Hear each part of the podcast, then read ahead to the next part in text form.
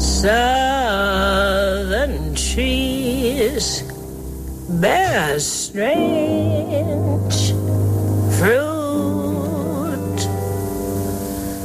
Blood on leaves and blood at the root. Black bodies swinging in the southern breeze.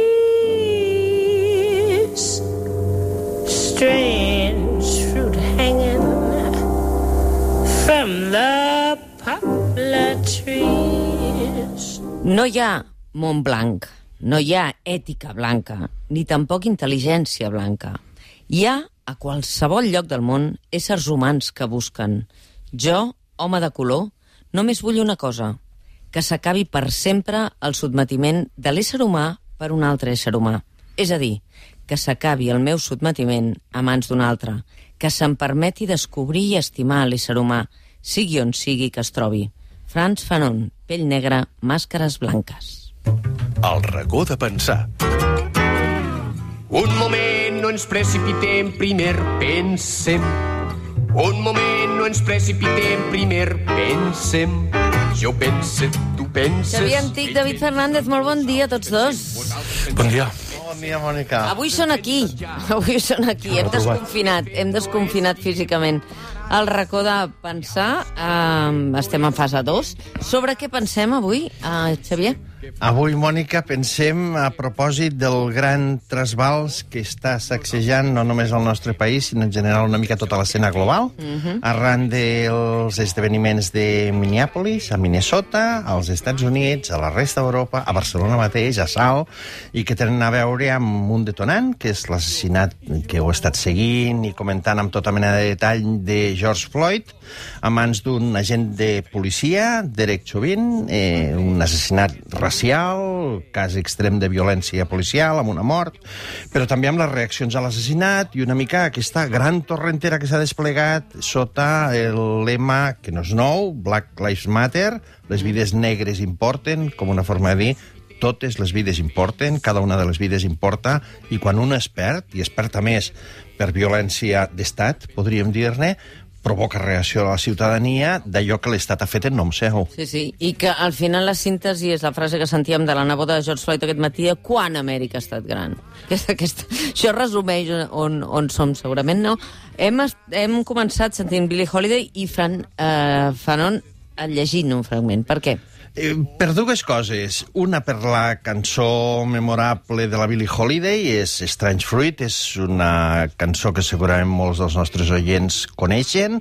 És una cançó mite a propòsit d'una lletra que es va esdevenir el símbol contra els linxaments. El fruit estrany és aquest fruit estany de negres penjat dels arbres després de linxar-los, una pràctica habitual als Estats Units a partir dels anys 50 i que amb tot el dolor d'una persona que va patir violència racial la canta.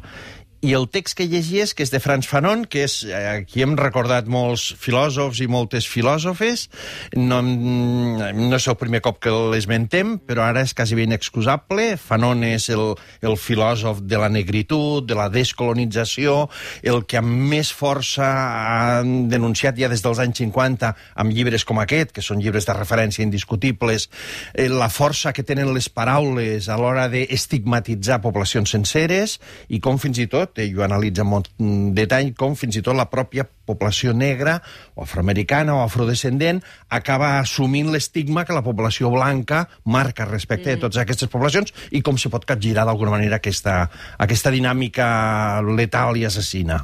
Aquest matí, eh, en David Fernández sentíem a, a, a Sallent, el cap dels Mossos d'Esquadra, que deia sí, és veritat que hem de corregir la detenció, mm, diguem, discriminant per motius racials a vegades, mm. no? Que això és eh, corregible, però aquí estem parlant d'un fet, el detonant d'aquest moviment antiracista, que és la violència policial, en aquest cas racial, amb discriminació racial, no? I jo crec que, que estructural, és a dir, avui que ens comencem a desconfinar en aquest racó, hauríem de dir que el racisme continua en fase zero, que no ha estat eh, confinat i que la llista eh, interminable eh, d'una violència incorregible eh, allà està. Vull dir, ara que parlava el Xavier dels linxaments, en la primera campanya de la primera meitat del segle XX contra els linxaments, l'associació que va néixer aleshores, l'ANACF, l'Associació Nacional per al Progrés de les Persones de Color, encara existeix avui.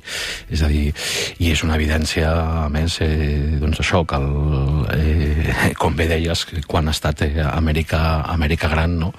i jo crec que aquests dies també hem escoltat moltes veus d'aquesta violència estructural, repetida, reiterada, pràcticament eh, monòtona i associada a una brutal i terrible impunitat. Des del 2012 hi ha hagut 2.600 denúncies contra la policia de Minneapolis eh, només hi ha hagut eh, 12 investigacions eh, internes i la sanció més elevada que va haver-hi fins a, no? fins a apartar a, al policia que va assassinar eh, George Floyd era una sanció de 40 hores de suspensió de feina, de feina, de feina i sou eh, i per alguna cosa estructural ha de ser que Minneapolis, que és, com tots sabeu, eh, doncs té moltes comunitats migrants, eh, etíopes, somalis, eh, cambodjanes, eh, acaba d'aprovar el seu Consell Municipal que dissolen la policia, la qual cosa és l'evidència de que és, el racisme és irreformable, per definició, i que, per tant, hi ha un problema hi ha un problema estructural, però clar, parlem de George Floyd com parlem de tots els George Floyd del món, o totes les Lucrecias Pérez del món, assassinada a Aravaca l'any 1992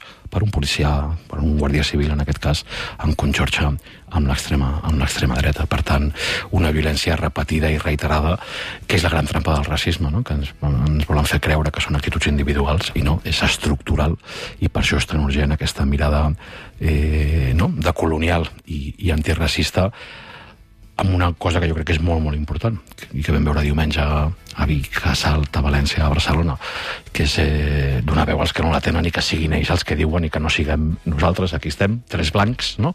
eh, occidentals, parlant, parlant de racisme. Uh, és curiós i deu ser així d'estructural, Xavier, quan aquesta matinada m'explicava la Jenny Lozano des dels Estats Units que la resposta de Donald Trump és una teoria conspiratòria al voltant d'un manifestant que diu que provoca la policia. És a dir, justificar la violència policial per la provocació en aquest cas d'un activista que es planta davant de la policia a protestar, no? És una mica la, la reacció que s'acostuma a fer, no? És a dir, mai, mai no s'aborda que bona part d'aquestes morts, i estem parlant de centenars i de milers, eh? Mm, sí, sí. sense sortir dels Estats Units, i algunes fins i tot al 2020. És a dir, el cas de George Floyd no és el primer que s'ha produït aquest any, ha passat a Louisville, a Kentucky, ha passat a, a Brunswick, a Georgia, en tants altres llocs, eh? i per tant la història és una mica repetida. Però l'argument és sempre no, és que estaven fent alguna cosa, és a dir, l'element racial de la violència, de l'agressivitat i de la mort sempre passa en un segon terme quan eh, se busquen excuses que justifiquen per què la policia ha fet el que ha fet, no? Jo crec que el que deia el, el David, i que tu recordaves, eh, eh, al meu entendre és una mica la clau de tot. És dolorosa, però és la clau de tot, no? Acostumem a abordar els temes del racisme pensant que és un problema individual, no? De que la gent és racista, no? De que tots som, d'alguna manera, en moltes pràctiques i comportaments racistes, com si fos alguna qüestió una mica psicològica, no? Individual, depèn de les persones només, o grupal, més a Estats Units, més a Carolina, més a Minnesota que en d'altres llocs. Però el, el gran debat, i una mica jo crec que eh, la mínima informació de la que disposem ho corrobora de manera reiterada, és aquesta presència d'un racisme que n'hem de dir institucional, sistèmic i estructural. És a dir, va més enllà, que també té la seva importància, òbviament, del comportament individual de les persones o d'un policia o molts que siguin racistes individualment, perquè és el propi sistema que afavoreix una determinada estigmatització grupal molt massiva quan se eh, impedeix que accedeixin a determinats llocs de treball, a determinats llocs de representació mediàtica o comunicativa, evidentment de responsabilitat institucional o política, no? i continua sent, jo crec que alguna cosa que cal repetir, que no és òbvia, i que fins i tot ahir el Pachi López va eh, eh, demanar de que estrellés l'expressió racisme institucional de l'acte d'una comissió, quan se va dir, no? Com dient, no, no, no, no, no parlem no de que hi ha racisme institucional, hi ha persones racistes. És a dir, és un problema individual. No, no és un problema individual. Quan abordem casos com el de George Floyd, i després en podem abordar, com els que deia David, casos que hi han aquí, Sí, sí. no estem parlant de persones que tinguin una eh, distorsió de conducta deguda als seus prejudicis racistes i que acabin provocant escenes de violència o d'agressió, sinó que hi ha una estructura que legitima, que protegeix, que avala i que d'alguna manera mm, crea el marc no? perquè aquestes coses s'acabin produint. I cal dir-ho, el problema del racisme no és només que hi hagi gent racista, que n'hi ha, sinó que el gran problema del racisme és que la institució, la estructura i el sistema mm, en molts llocs, i també aquí, no només a Minnesota o als Estats Units, no ha fet els deures per esmenar i corregir aquestes distorsions sistèmiques que el que fan és afavorir al final de la cadena que es produeixen violències o agressions que poden acabar morts com aquestes, I que no? justifiquin. Sí, perquè jo crec que a més el, el no puc respirar del, del George Floyd és, eh, és una llargària extenuant. És a dir, si un va mirar les dades estructurals del racisme a Minneapolis, eh, doncs resulta que el salari d'una persona negra és eh, dos terços menys que el d'una persona eh, blanca i que el món canvia, no? En l'encreuament entre el carrer 38 i l'avinguda Chicago Sur, on va ser assassinat, que tens tres vegades més eh, de probabilitats de contraure la Covid, no? i que tens eh, set vegades més de morir per un tret eh, eh, eh, policial. L'altre dia, crec que era el 2 de juny, el Xavier Mas de Xaxàs, que coneix bé els Estats Units, feia una crònica a l'avantguàrdia de Moridora, deia, el títol era, crec, si no m'ho recordo malament, el racisme de Minneapolis és el de tots, no? Mm -hmm. i ho deia que el racisme és el pecat original dels Estats Units d'Amèrica i, a més, eh, agafant el fil del, del Xavier, citava un historiador nord-americà, l'Arthur Schlesinger, que deia nosaltres, els americans blancs, hem estat racistes en les nostres lleis, en les nostres institucions, en els nostres costums, en els nostres reflexes condicionats i en les nostres ànimes. L'evolució del racisme ha estat el gran fracàs de l'experiment americà. La contradicció flagrant dels suposats ideals i el eh, permanent deteriorament de la vida americana. I uh, qui ens ajuda a pensar? Algú que posa en el nucli, en el centre, els drets civils. No tenim altra alternativa que oferir les nostres vides, el nostre cos, la nostra intel·ligència, la nostra voluntat, a la causa dels oprimits. En aquests moments en què la corrupció i el racisme dels més alts organismes polítics s'estan mostrant despullats, en què s'està fent visible la bancarrota general del sistema capitalista, existeix la possibilitat que uns altres homes i dones, negres, mestissos, pells roges, grocs i blancs, sentin el desig d'unir-se a la nostra comunitat de lluita. La lluita ha de continuar. Angela Davis, autobiografia, 1974. Oh,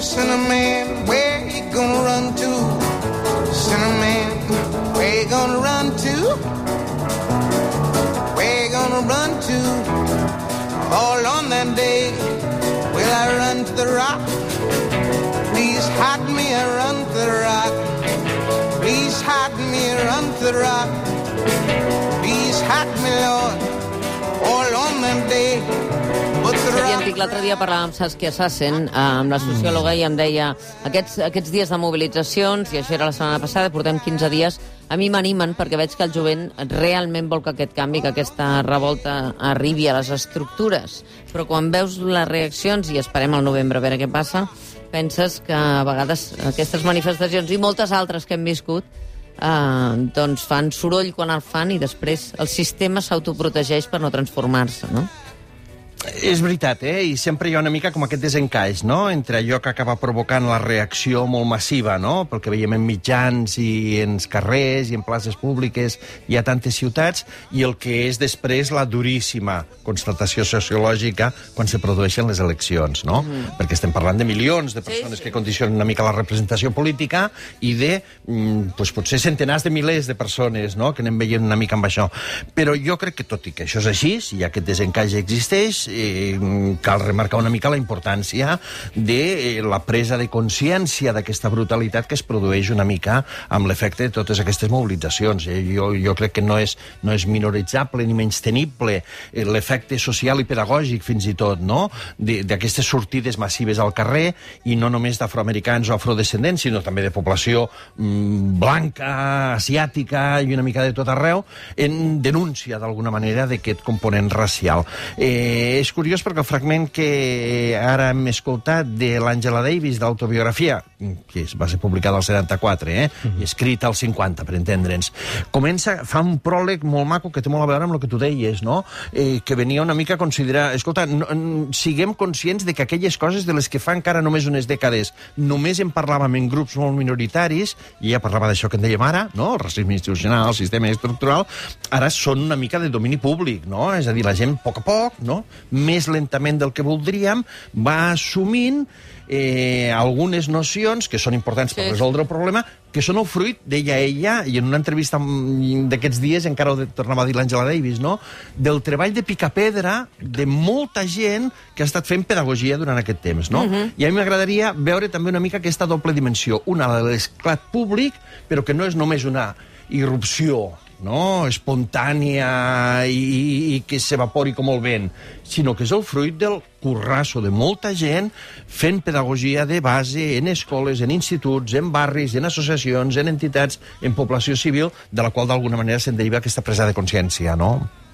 Uh, Sí, la continuïtat d'una llarga memòria i, i d'unes llarguíssimes eh, eh, resistències. Eh? Vull dir, i a més per centrar que, que al final res d'això és una qüestió biològica no? o ontològica, és una qüestió de distribució de poder, de segregació eh, social i, com diria l'estimada Àngela, d'una barreja perversa de classisme, sexisme i racisme. Mm -hmm. Sí, del desallotjament de la plaça Sant Jaume al 15M, ara hem conegut les sentències del comportament dels Mossos d'Esquadra aleshores i ja no sé quan sabrem quin és el resultat de les investigacions que s'estan fent sobre els polis eh, i la Guàrdia Civil de, del 2017, eh? però aquestes les hem conegut ara, sí que ha servit per dir eh, abusos policials, aturem-los mm, d'alguna manera, no? I com a mínim hi ha la sentència, ja veurem si ferma quan arribi el Suprem, uh, una condemna a dos anys de presó a un mosso d'esquadra per haver uh, anat més enllà d'on havia d'anar, no, David? pues jo crec que també és un tema per un racó de pensar.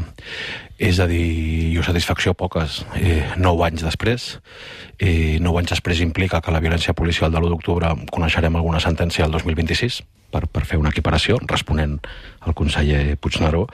I l'altre és el mateix tema, és que no és un fet aïllat. És a dir, què li fa falta al Departament d'Interior per obrir un expedient intern quan totes les càmeres van veure aquell maig del 2000. Què li fa falta? Per què no ha hagut cap investigació interna ni cap depuració? I dos, per què porta nou anys donant-li cobertura institucional plena? És a dir, qui li ha pagat als advocats aquest senyor és el Departament d'Interior. I, per tant, el problema ja no és la violència policial d'un agent concret, és tot el Departament d'Interior. I la impunitat d'aquests nou anys afecta a tot el Departament d'Interior. I no han, no han fet perquè no han volgut fer. I jo d'això em vaig donar en compte en la primera sentència que, ben, que vaig guanyar, perquè al cap d'un mes se'l va condecorar com a resposta a la sentència. I això és una decisió política. Però més encara em vaig donar compte que era un tema polític quan quatre anys després, el 2018, em van tornar les costes dels advocats que la, que la resolució del jutjat posava David Fernández contra Felip Puig. I vaig dir, ah, amigo, no era Arassa, era Felip Puig, perquè aquelles càrregues tenen ordre política. I Felip Puig mai s'ha assegut a cap banqueta dels, dels acusats. Per tant, eh, no és un cas concret, és el cistell sencer. I la pregunta grossa per mi és per què durant nou anys el Departament d'Interior i els seus advocats han estat fent costat i, i a què va veure tothom al maig del 2011? Quin problema tenia Mossos internament per no veure que allò era brutalitat policial? Avui han dit que uh, li anunciaran un nou destí a, a Jordi Arassa, en aquest cas, perquè era, a més a més, el cap de l'àrea de recursos, després de que hi hagués ja una sentència, no? Bueno, és una altra reflexió. El, la, els, els ascensos interns no hi ha un protocol que deixi en suspens temporalment fins que resolgui una qüestió tan greu com lesionar els drets fonamentals, perquè després és impunitat. Els ferits de plaça Catalunya vam ser 150. En aquests moments som sis els que hem aconseguit una condemna. I què passa en el país del 3%? Pues que només hem aconseguit un 3% de condemnes i que el 97% és encara avui radical impunitat. Els mateixos, eh, del 3%. Uh, Xavier Antic, aquest, aquest sentiment d'impunitat que ara retratava el David i que també el té la comunitat aquests dies que estem sentint els crits en les revoltes i en les manifestacions als Estats Units, aquest sentiment que no és de reaccionar amb violència, perquè són manifestacions pacífiques, com també diu el jutge que ho van ser les del 15M, no? Uh, però de dir això quedarà impune, no? Aquest és el, la, pa, la part més dolorosa, no? Jo crec que el que obliga que no hi hagi cap violència que no quedi sense resposta d'aquesta manera, per exigir que l'Estat i la justícia facin la seva feina, que és protegir la ciutadania, especialment en aquells casos en els quals el propi sistema, la pròpia institució ha agredit, ha violentat o fins i tot ha matat a la ciutadania de manera impune, no? Jo crec que aquesta irresolució... eh, Ahir la, Car- la penalista, la Carla Vall, recordava un fragment del llibre de la mm, nostra amiga Màrcia Tiburi, que vam tenir aquí, Mm, un fragment que em sembla oportuníssim pel que hem comentat des del principi del programa fins ara que és un fragment en el que deia la qüestió, Màrcia Tiburi, la qüestió de les víctimes és de les més delicades. Mai no serà una qüestió resolta, perquè la víctima és aquella persona per a qui la justícia sempre arriba tard. Estem parlant de 9 anys, estem parlant de tants eh, processos oberts, de tantes investigacions no acabades, de casos que no han arribat a generar ni investigació, ni judici, ni persecució dels responsables, i per tant una mica jo crec que és aquesta persistència, aquesta perseverança, aquest no deixar cap violència impune i cap responsable de la brutalitat policial, estatal institucional impune. Jo perdoneu, perquè és que que el, el, el control de monitors veig el Marlaska i la CNN Sí, estan al... i, i, i és tan estructural el racisme que el, el govern més progressista de la història va dir que, que revisaria la tanca de Ceuta i Melilla i l'únic que ha fet és fer-la més alta. Xavier Antic, eh, David Fernández, que bé que estigueu a l'estudi, que tot quadra.